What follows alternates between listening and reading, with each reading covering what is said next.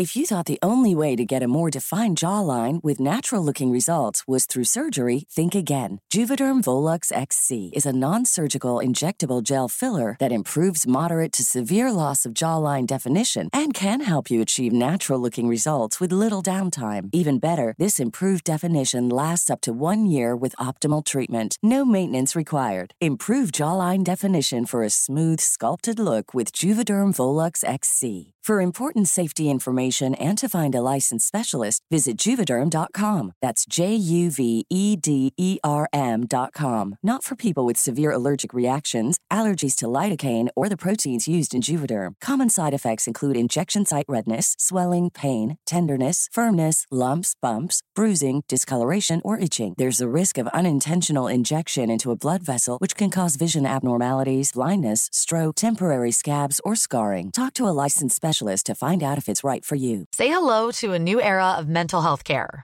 Cerebral is here to help you achieve your mental wellness goals with professional therapy and medication management support. 100% online. You'll experience the all new Cerebral Way, an innovative approach to mental wellness designed around you. You'll get a personalized treatment plan from a therapist, prescriber, or both in a safe and judgment free space. Your cerebral therapist or prescriber will outline a customized plan with clear milestones along the way so you can get to feeling your best. With Cerebral, you're not alone in your mental health journey. We're here to empower you to live a fulfilling life. So take that first step towards a brighter future and sign up today at cerebral.com slash podcast and use code ACAST to get 15% off your first month. Offer only valid on monthly plans. Other exclusions may apply. Offer ends July 31st, 2024. See site for details. Ryan Reynolds here from Mint Mobile. With the price of just about everything going up during inflation, we thought we'd bring our prices down. So to help us, we brought in a reverse auctioneer, which is apparently a thing. Mint Mobile unlimited premium wireless. Ready to get 30, 30, bit to get 30, bit to get 20, 20, 20, bit to get 20, 20, bit to get 15, 15, 15, 15 15, just 15 bucks a month. So, Give it a try at mintmobile.com slash switch. $45 upfront for three months plus taxes and fees. Promo rate for new customers for limited time. Unlimited more than 40 gigabytes per month. Slows. Full terms at mintmobile.com.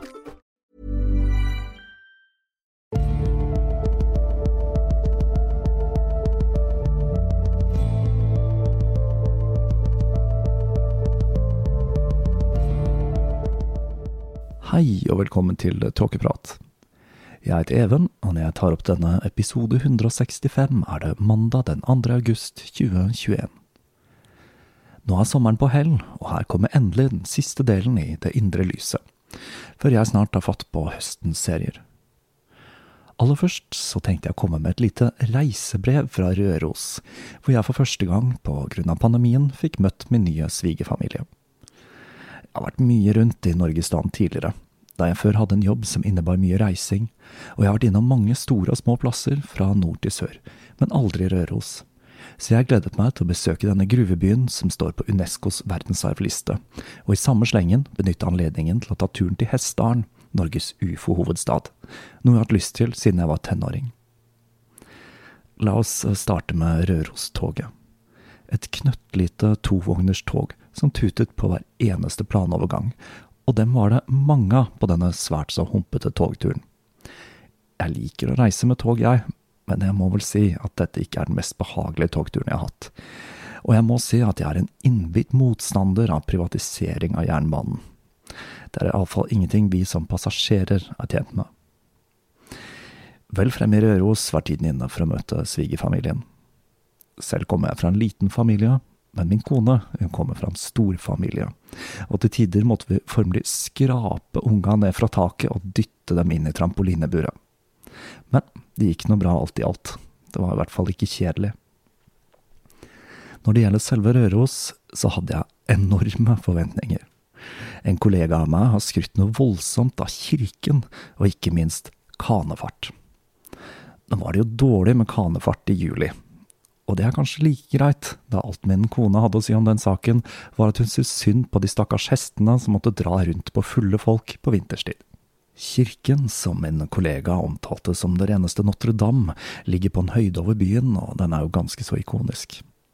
Som jeg skjønner det, så ble byggingen finansiert av han som startet gruvedriften i byen, og jeg skjønner at det er mye historie bak bygget. Men jeg skal ærlig talt si jeg ble ganske skuffet da jeg etter å ha betalt 50 kroner for å ta en tur inn, ble møtt av hva jeg vil beskrive som et ganske ordinært kirkerom.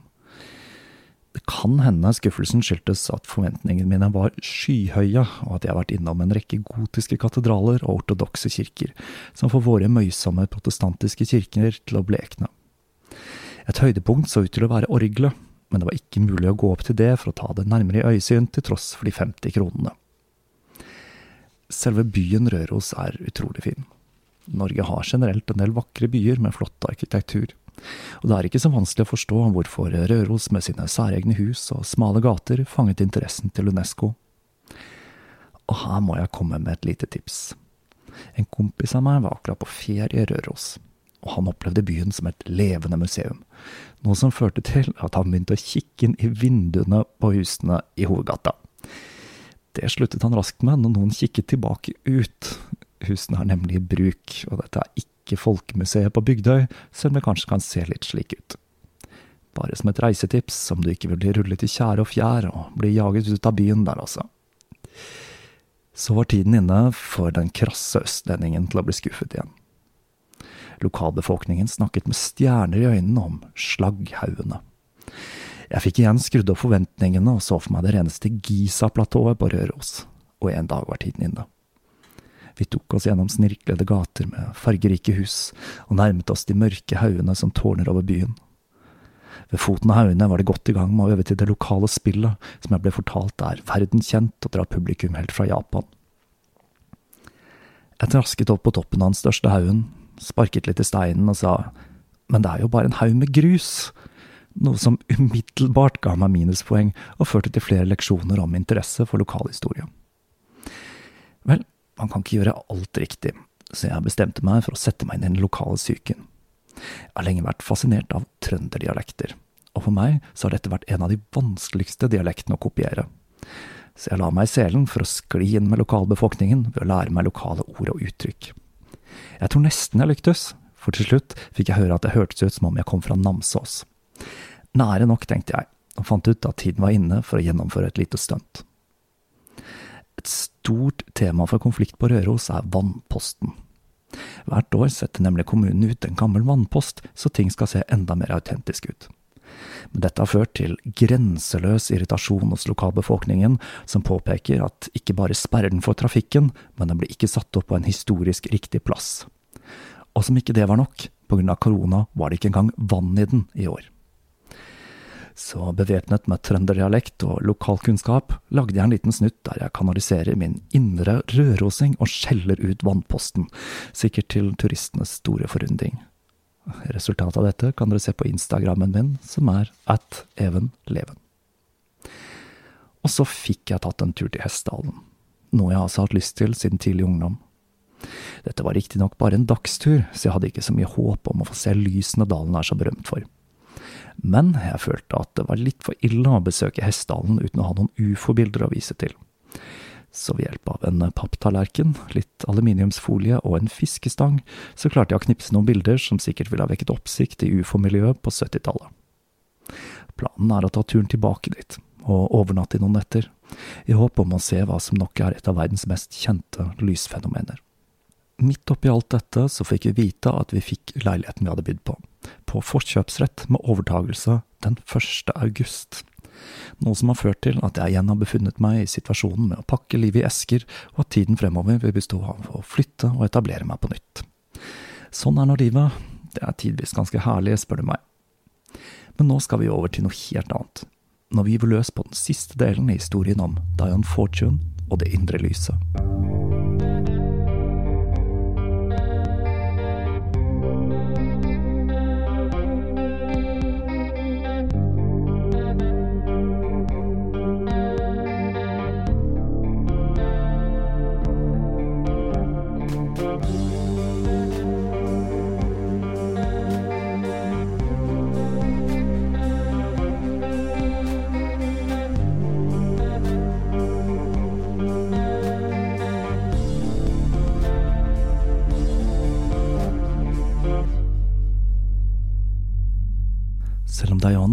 Inspirert til å begynne sin okkulte karriere etter å ha lest Annie Besant, så hadde hun ikke hatt noen tilknytning til det teosofiske samfunnet, men i 1925 ble hun under en kanalisering instruert til å opprette en diskré kontakt med gruppen.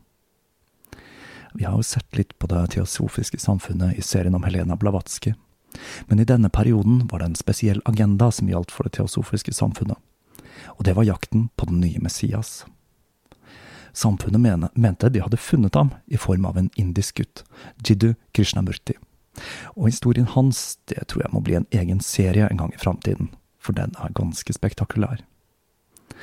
Uansett, med Anne Besant i spissen hadde samfunnet fått en rekke nye tilhengere med denne ideen om at de hadde en ny Jesus på gang. Men dette var selvsagt kontroversielt, og det hadde ført til en del splittelse i det teosofiske samfunnet. Vår tåkepratvenn Rudolf Steiner var en av de som var skeptiske. Han mente de originale mesterne Blavatsky hadde kanalisert, hadde blitt erstattet av hinduistiske krefter som forsøkte å underminere Vesten ved å mislede ledelsen i det teosofiske samfunnet. Det samme gjaldt mesterne til Diane Fortune, men de mente at de som manipulerte samfunnet, var mongolske krefter. Og som vi husker fra serien om Den hvite baron, så var ikke disse kreftene noe særlig å spøke med. For å finne ut hva som skjedde i gruppen, så søkte Diane og Loveday medlemskap i Den kristne mysterielosjen, som var en gren av det teosofiske samfunnet som ble opprettet i 1919. Mestrene instruerte de to om at de skulle bli med i gruppen for å styrke den vestlige tradisjonen der, slik at den ikke ble undertrykket av de nye strømningene fra øst. Denne gruppen skulle etter hvert bli mer eller mindre styrt av Dayon og hennes gruppe, og etter masse krangling om Det teosofiske selskap anerkjente Jesus, en diskusjon jeg føler er for de spesielt interesserte, og som vi hopper elegant over, brøt den kristne mysterielosjen ut og skiftet navn til Det indre lysets samfunn i 1928. Og det så faktisk ut til at arbeidet med å drive ut disse destabiliserende kreftene fra Østen hadde lyktes, da Krishnamurti brøt med det teosofiske samfunnet i 1929. Mens alt dette pågikk, så skjedde det en stor endring i livet til Dion. Den 6. april 1927 giftet hun seg nemlig, med Thomas Penry Evans. Det er litt usikkert hvordan de to møttes. Det verserer to versjoner. Den ene er at det ble introdusert av Moriarty, og den andre er at han deltok på en av forelesningene hennes da han var interessert i psykologi. Uansett, Thomas kom fra arbeiderklassen, og når krigen brøt ut, var han en av de første til å verve seg. Like etter begynte han på medisinstudiet, noe som var spesielt for en fra hans klasse, og i 1925 fikk han jobb ved Charing Cross Hospital. Når Thomas ble en del av gruppen til Dion, endret dynamikken seg. Ikke bare var han et nytt medlem som sto nærmere Dion enn Loveday, men Thomas var en selverklært hedning fremfor en kristen mystiker, og han fikk raskt kallenavnet Merlin eller Merle. Normalt så ville man annonsere forlovelsen i god tid før bryllupet, men de to hadde giftet seg i hui og hast, noe naturligvis mesterne hadde sørget for. De fortalte nemlig at Thomas ville åpne for et tettere samarbeid med elementkreftene, og at de ønsket at gruppen skulle fungere på et høyere nivå innen høstjevndøgn samme år. Mestrene advarte også om at Dion kom til å gjennomgå visse personlighetsforandringer i denne perioden. Det skulle ikke gå så lang tid før Thomas, som jeg heretter kommer til å omtale som Merle, skulle oppleve at det var utfordrende å sjonglere mellom ambisjonene han hadde i sin medisinske karriere, og rollen han hadde i gruppen. Men mesterne de brøt igjennom, og fortalte ham at problemene var noe han laget for seg selv, og at de fortalte at han måtte dedikere seg fullt og helt til de dype mysteriene. Men Merle hadde sine tvil, og her må vi jo ikke glemme at mesterne de snakket igjennom hans kone. Ganske fiffig, det der. Men til tross for den tvilende Thomas der, så virket det som om ekteskapet var lykkelig til tross for inngripen til mesterne. Merle skulle snart få en anledning til å kombinere det okkulte og legevitenskap, når eh, mesteren av medisin, den første mesteren Dion hadde kanalisert, plutselig dukket opp og begynte å diktere en bok til Merle. De esoteriske prinsippene til medisin. Etter hvert skulle de identifisere denne mesteren av medisin som ingen ringere enn Ignas Semmelweis. Han mener jeg vi har vært innom tidligere i podkasten, men kort oppsummert så var det mannen som foreslo at leger som kom rett fra en obduksjon til fødeavdelingen, skulle vaske hendene sine før de assisterte fødsler. Dette var helt uhørt, men de gjorde nå det, og med det så stupte dødsraten og spedbarnsdødeligheten på fødeavdelingen. Og om jeg husker historien rett, så var Semmelweis en skikkelig grinebiter, som var så dårlig likt at legene sluttet å vaske hendene etter en stund. Og med det så gikk dødsratene opp igjen. Semmelweis eller ikke. Møtene mellom denne mesteren av medisin og Møhl skulle fortsette over en periode på fem år. Og i tillegg til å skrive boka, fikk han instrukser om hvordan han skulle åpne en skole og en klinikk som praktiserte esoterisk medisin. Resultatet av dette arbeidet ble først publisert i år 2000, under tittelen Prinsippene til esoterisk helbredelse. Etter høstjevndøgn begynte gruppen å strukturere seg for å kunne fungere som en autonom enhet som ikke var avhengig av andre organisasjoner, med et eget gradssystem, tidsskrift og bibliotek. Gruppen skulle fungere som et eget samfunn, der alle oppgaver ble utført av medlemmene selv. Den første utgaven av tidsskriftet The Inner Light Magazine så dagens lys i oktober 1927, og opplaget på 500 eksemplarer ble utsolgt på 14 dager, noe som vitner om at gruppen hadde en viss følgeskare. Totalt så besto gruppen av 26 medlemmer i 1928, og dette var en kvinnetung forsamling, med kun fem mannlige medlemmer. Dette plaget Dion, og etter 1929 ville hun ikke at kjønnsfordelingen på nyinitierte skulle være mer skjevfordelt enn to til én, noe som jevnet ut kjønnsbalansen over tid. Et eh, litt artig fakta her er at de brukte betegnelsen broder om medlemmene, uavhengig av kjønn. Igjen så opererte de med et tregradssystem, der den første graden innebar styrking av karakteren gjennom meditasjon og arbeid for samfunnet. Det er vel det man kaller for prospect i MC-miljøet, det der. Den andre graden innebar psykologisk trening, annet med visualisering. Og den tredje graden innebar arbeid med mesternes instruksjoner og de store mysteriene. Denne prosessen skulle ta tre år før kandidaten ble initiert i den tredje graden. Dayan lå heller ikke på latsiden når det gjaldt skriving, og 1927 var året hun publiserte sin første okkulte roman, Demonelskeren. Året etter publiserte hun sin første okkulte lærebok, Esoteriske ordener og deres arbeid, og like etter opplæringen og arbeidet til en initiert. Bokskrivingen var på ingen måte den eneste litterære aktiviteten som opptok Diane. Det var i stor grad bare hun som skrev artikler for The Inner Light Magazine, og enkelte av disse artiklene ble senere samlet og gitt ut i bokform. Magasinet skulle etter hvert få et bredt publikum, med abonnenter ikke bare i USA og Europa, men på samtlige kontinenter, med unntak av Antarktis og ikke minst Atlantis, da.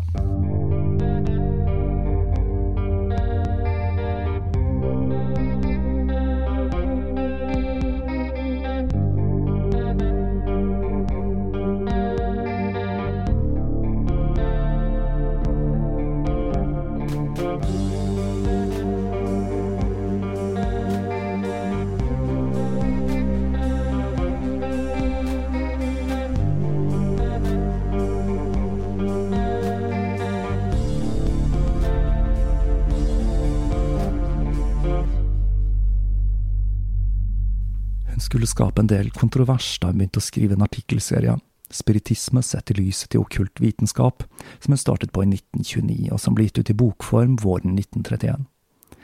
Boka var ikke myntet på okkultister eller spiritister, men søkende som vurderte å oppsøke hjelp fra spiritister. Dion Fortune hadde nemlig fått en del pepper for å bruke kanalisering som et virkemiddel, og Maya Curtis Webb skulle senere uttale at hun syntes Dion kastet bort evnene sine ved å bruke dem til kanalisering, og sa at dette var noe hun heller burde overlatt til en mindre begavet person. Selv skilte Dion Fortune mellom det å kanalisere åndevesener og de store mesterne. Hun skriver at der spiritisten forsøkte å bevise at avdøde Say hello to a new era of. Cerebral is here to help you achieve your mental wellness goals with professional therapy and medication management support. 100% online. You'll experience the all new Cerebral Way, an innovative approach to mental wellness designed around you. You'll get a personalized treatment plan from a therapist, prescriber, or both in a safe and judgment free space. Your Cerebral therapist or prescriber will outline a customized plan with clear milestones along the way so you can get to feeling your best. With Cerebral, you're not alone in your mental health journey. We're here to empower you to live a fulfilling life. So take that first step towards a brighter future and sign up today at cerebral.com slash podcast and use code ACAST to get 15% off your first month. Offer only valid on monthly plans. Other exclusions may apply. Offer ends July 31st, 2024. See site for details. Hey, I'm Ryan Reynolds. Recently, I asked Mint Mobile's legal team if big wireless companies are allowed to raise prices due to inflation. They said yes. And then when I asked if raising prices technically violates those onerous two year contracts, they said, What the f are you talking about, you insane Hollywood ass? So to recap, we're cutting the price of Mint Unlimited from $30 a month to just $15 a month. Give it a try at mintmobile.com slash switch. $45 upfront for three months plus taxes and fees. Promoting for new customers for limited time. Unlimited more than 40 gigabytes per month. Slows. Full terms at mintmobile.com. personligheter fremdeles eksisterer, jobber okkultisten med personlig spirituell selvutvikling. Hun skriver også at hun ikke hadde noe imot det å ta kontakt med de døde, men at man burde tenke seg godt om og ha en meget god grunn til å gjøre dette, da forhold som var usunne når personen levde, kunne føre til en form for emosjonell vampyrisme av den avdøde. Men i perioden mellom 1931 og 1940 benyttet hun seg mindre og mindre av kanalisering som verktøy, og la mer vekt på rituelt arbeid, selv om kanaliseringen igjen skulle spille en viktig rolle mot slutten av livet hennes. I 1931 trakk hun seg ifra alle vervene i losjen. Hun hadde nemlig et stort prosjekt foran seg, Det mystiske Kabbalah, som skulle bli en av hennes viktigste bøker. Mens hun begynte å pusle med kabbalismens mysterier, dukket en annen fyr som var interessert i Kabbalah opp i London. Og dette er en fyr vi har stiftet bekjentskap med tidligere, Israel Regardi, som var Crowleys sekretær. Han hadde alt skrevet to bøker, Livets tre og Granateplehagen, som handler om nettopp Kabbalah, basert på Golden Dawn sitt magiske system. Regardi var av jødisk avstamning. Han var blitt født i London, men foreldrene hadde emigrert til USA når han var svært ung. De etablerte seg i Washington DC, hvor Regardi utviklet en interesse for det esoteriske, noe som førte til at han søkte seg medlemskap i Rosenkorsordenen. Når han var 21 år gammel, kom han over noen av publikasjonene til Crowley, noe som førte til at han skrev til forfatteren og dro til Paris, hvor Crowley ansatte ham som sekretær. Når han troppet opp i London i 1932, hadde han skilt lag med Crowley, men han hadde fremdeles respekt for mesteren, men han likte ikke det magiske systemet han brukte.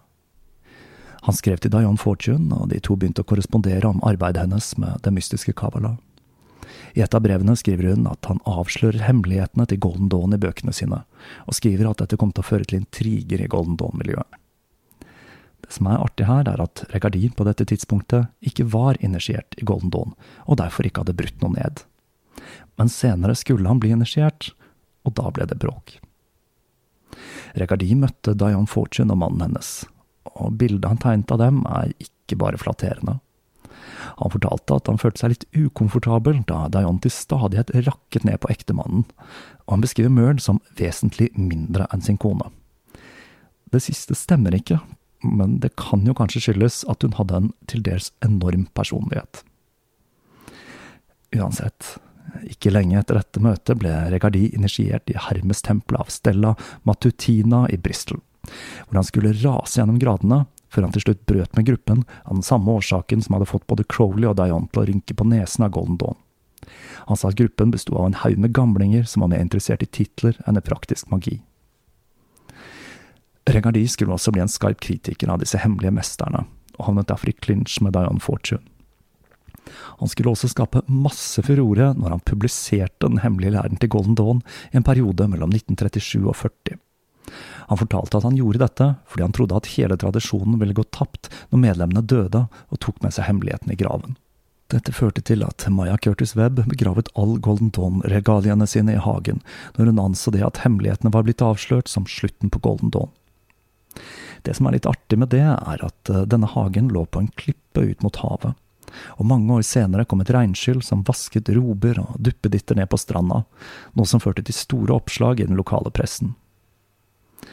Det at Dayan hadde samarbeidet med Regardi, førte til en isfront mellom henne og Golden Dawn.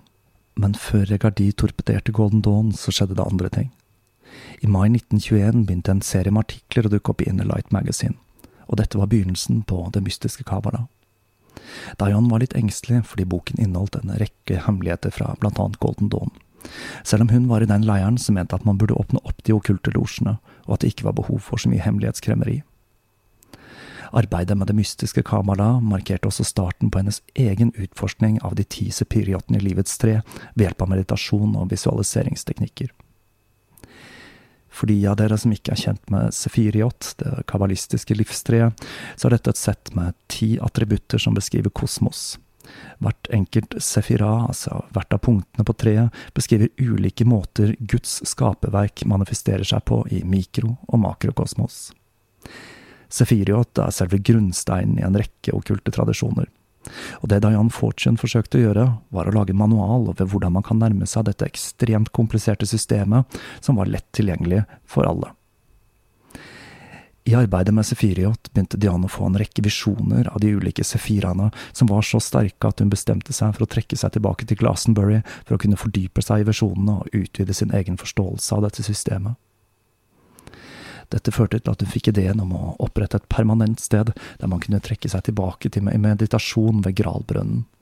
Noe Lotion klarte å skrape sammen penger til, annet ved hjelp av lady Catherine Parry, som hadde blitt et medlem av gruppen i 1936, og fra inntekter fra offentlige ritualer. Selv om Dion sa at det å holde ritualer fra offentligheten ikke var den mest effektive måten å utføre seremoniell magi på, så hadde jo dette blitt gjort tidligere annet av Samuel Mathers i Paris med sine Isis-riter, og for ikke å snakke om Crowley, som ga tilskuerne meskalin, slik at de skulle få skikkelig effekt av ritualene. I arbeidet med Sefiriot så ble hun også oppmerksom på Jung sin psykologi. Jung hadde begynt å påvirke en rekke esoteriske grupper, og det var mange som håpet at Jung med sine ideer ville være med på å gjøre det okkulte mer respektabelt, spesielt med hans syn på mytologi. Mens Dayan jobbet med boka, fortsatte resten av gruppen med arbeidet sitt. Og til tross for de vanlige konfliktene, så vokste gruppen sakte, men sikkert. Og 1937–38 var årene da The Society of the Inner Light virkelig etablerte seg som en viktig gruppe i den esoteriske scenen. Ryktet til gruppen førte annet til at Crowley dukket opp under en forelesning. Og til tross for at han fikk en litt kjølig mottagelse fra Dion, sendte han en signert kopi, nummer ni, av The Book of Toth til henne når den ble publisert. Som vi husker, så var dette Tarot-boka til Crowley, og i boka så skrev han Til Diane Fortune, som en liten hyllest til hennes arbeid og oppdagelser innenfor visdommens vitenskap, og hennes utmerkelse som en ordkunstner. Alistair Crowley, nummer ni til Diane Fortune, ypperste prestinnen til vår lady Selene. Et medlem av gruppen til Dayon som skulle skrive en del om denne perioden, var Bernard Bromage, en forfatter og akademiker som hadde møtt Dayon og mannen hennes under en serie med forelesninger han hadde holdt i 1936 om okkult litteratur. Bromage jobbet med å oversette en serie med hinduistiske tantriske tekster, og det vekket interessen til Dayon Fortune, som fikk tilgang til oversettelsene hans. Hun ble overbevist om at teksten inneholdt glemte hemmeligheter fra vestlig esoterisk tradisjon, og inviterte Bromage til å overveie et Isis-rite i Klokketårnet, som var det rituelle hovedkvarteret til gruppen i London. Alt så ut til å gå den rette veien. Dion fikk til og med startet med arbeidet sitt med soyabønner igjen. Men så brøt krigen ut den 3. september 1939 og snudde alt på hodet. Mange av gruppens medlemmer ble innkalt til tjeneste, og for de som var igjen, var det vanskelig å reise for å møte resten av gruppen, da det ble innført strenge reiserestriksjoner. I 1939 sendte derfor Diane ut et brev til samtlige medlemmer, der hun oppfordret alle til å gjennomføre en gruppemeditasjon på et fast tidspunkt hver uke. Hun skulle fortsette å sende ut ukentlige brev til medlemmene fram til oktober 1942. Og selv om den typen meditasjonsinstruksjoner er vanlig i dag, så var dette ganske revolusjonerende i samtiden. Dere husker sikkert hvordan gruppen til Gerald Gardner holdt et ritual for å holde tyskerne unna, og de var langt fra den eneste gruppen som drev med dette. Brorskapet til Dion brukte visualiseringsteknikker for å se for seg bibelske og mytologiske krefter som patruljerte den engelske kysten på vakt mot tyske luftangrep. Men det hjalp ikke noe særlig, for taket på hovedkvarteret i London det kollapset under et bombeangrep i en måned som krevde 6300 liv og ytterligere 8700 skadede. Men de kunne i det minste prise seg lykkelige over at ingen i losjen ble skadet, så de hadde kanskje englevakt allikevel. Ting begynte å se lysere ut når USA ble med i krigen, og da Jan begynte å forberede seg på å komme til vannmannens tidsalder. En annen artig ting skjedde under krigen når Diane Fortune gjenopptok kontakt med Maya Curtis Webb. Vi husker jo at hun begravet alt Golden Dawn-stæsjet sitt når Israel Regardi hadde avslørt hemmeligheten til Golden Dawn. Men i 1940 så oppsøkte hun Dayan for å forsøke å gjenoppta kontakten med kreftene hun hadde benyttet seg av i Golden Dawn.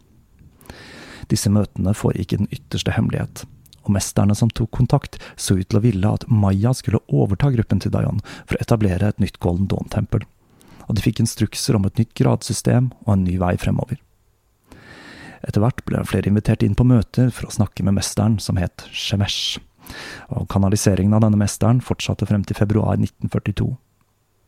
Serien med kanaliseringer, som blir kjent som Det arturianske formularet, skulle legge grunnlaget for arbeidet til gruppen etter krigen.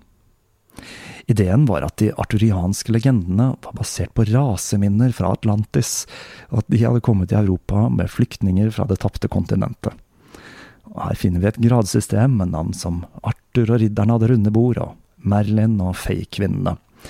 Dette systemet ble først offentliggjort av Gareth Knight i boka Den hemmelige tradisjonen til de arturianske legendene i 1983.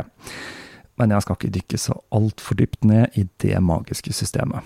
For de som er interessert i den slags, så er det jo bare å kaste seg over bøkene til Gareth Knight. I 1942, når gruppen begynte å forberede seg på ny giv, så skjedde det også en markant endring med personligheten til Dion. Tidligere så hadde hun vært en einstøing, men nå var hun blitt mer sosial, og hun fortalte Bromage at hun hadde planer om å etablere en samlet britisk okkult front. Det kan hende det er derfor hun til slutt bestemte seg for å dra og møte Alistair Crowley.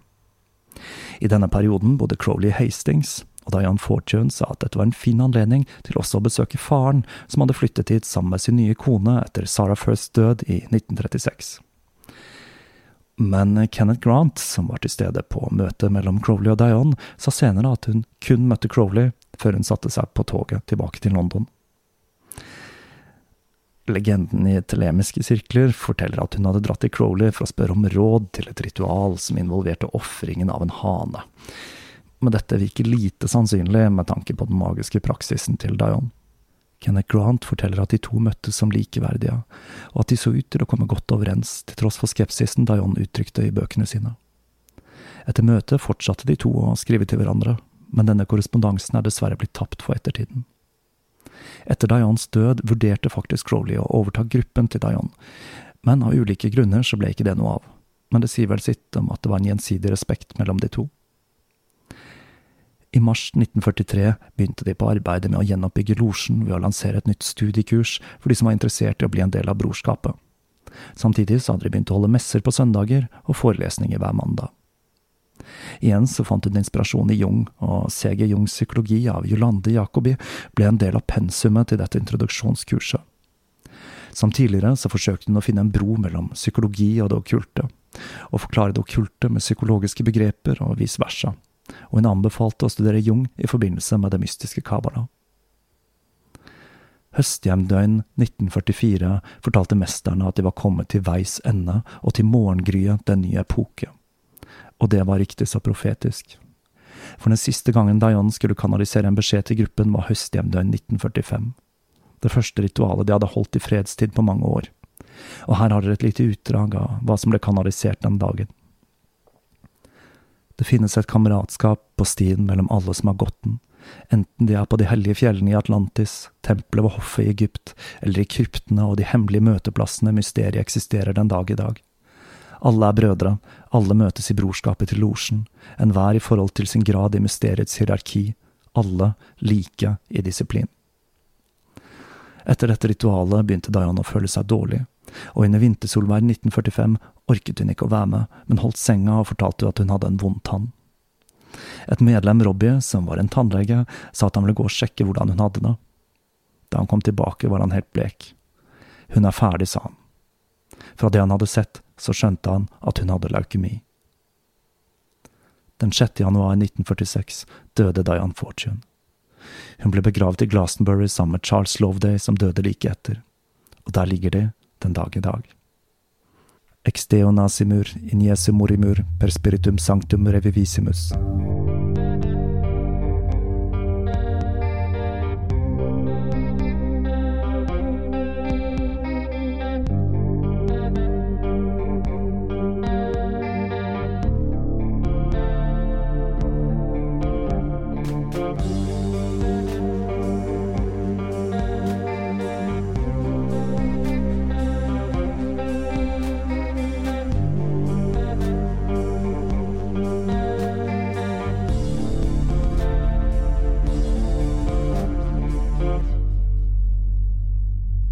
Det var historien om Dion Fortune. Det jeg kanskje ikke helt fikk fram i denne serien, er viktigheten av Dion som fiksjonsforfatter. Selv sa hun at dersom hun ikke hadde satset på en karriere i det okkulte, så hadde det vært nettopp fiksjon som hadde vært veien hennes. Bøkene hun skrev, inneholder en rekke okkulte elementer, og for de som vet hva man skal se etter, så finnes det beskrivelser av ulike teknikker, initieringsritualer og lignende gjemt i fortellingen hennes. Som jeg sa innledningsvis, så er historien om Diane Fortune en litt utfordrende enn å lage podkast av, da det aller meste dreier seg om arbeid på det intellektuelle plan, og ikke fullt så mange sprell i den fysiske verden som for eksempel med Crowley. Nå har jeg uansett gitt et forsøk, og dette er en dame man absolutt bør være oppmerksom på om man er interessert i europeisk okkult historie. En ting jeg må si her på tampen, er at eh, det å arbeide med den siste delen i en serie etter en ferie, det var ikke helt optimalt for min del. Men man lærer så lenge man lever. I disse dager så driver jeg nemlig og forbereder høstens store serie, i tillegg til å pakke esker. Slik som i fjor, med Lene Riefenstahl, så blir dette en ekstremt omfattende biografisk serie. Om en fyr som nok har litt færre karmapoeng enn Leni, men hvis livshistorie er ekstremt spennende og ikke minst underholdende.